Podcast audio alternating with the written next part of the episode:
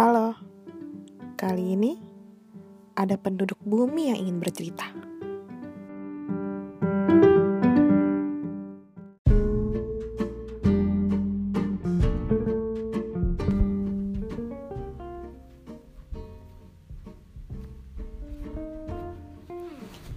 Saya pengen banget bisa kasih kisah bahagia yang penuh semangat, percaya diri, terus seneng ngasih taunya. Apalagi kalau nyeritainnya tentang gimana saya ngejalanin hidup.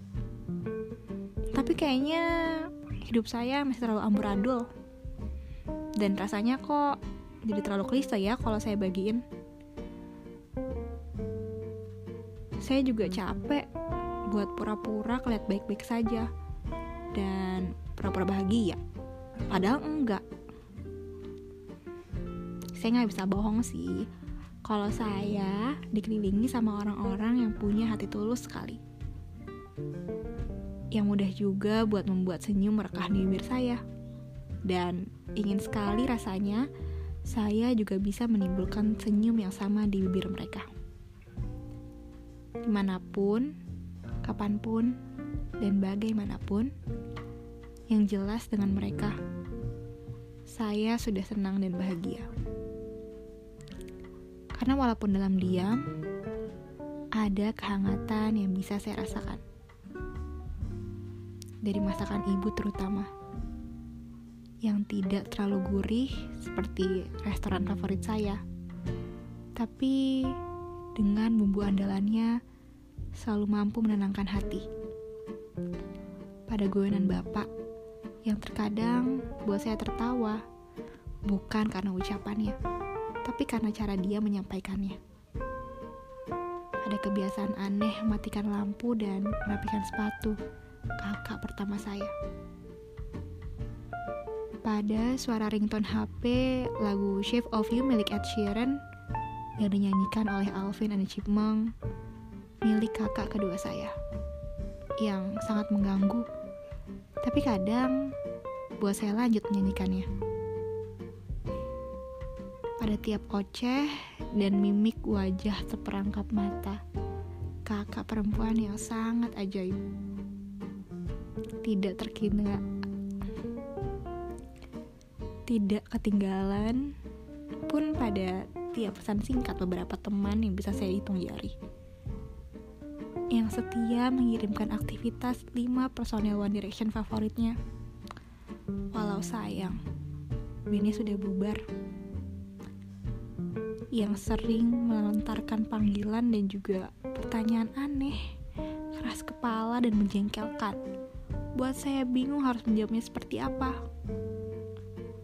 Yang perlu pendekatan romantisme dan penuh teka-teki serta harus lapang dada dalam menjawab tiap pesannya. Kok lo gak tahu sih maksud gue apa? Ya, emang saya cenayang ya? Kan dia cuma nanya saya kabar. Semua menghangatkan jiwa saya. Lalu satu dua malam yang sunyi terselip tanya tentang apa saja ya yang sudah saya lakukan selama ini. Apa saya sudah cukup pantas jadi penduduk bumi? Apa saya sudah berhasil menjadi manusia yang berbahagia lagi membahagiakan orang yang sudah berhasil membahagiakan saya? Dan realita kadang lebih sering datang jadi jawabannya. Saat jatuh, gagal, khawatir, takut, dan merasa kecil seperti titik hitam yang terus menutupi rupa warna dalam kanvas hidup saya. Itulah sebabnya si gelap dan si abu-abu lebih sering menyeruak dan sering mengekor.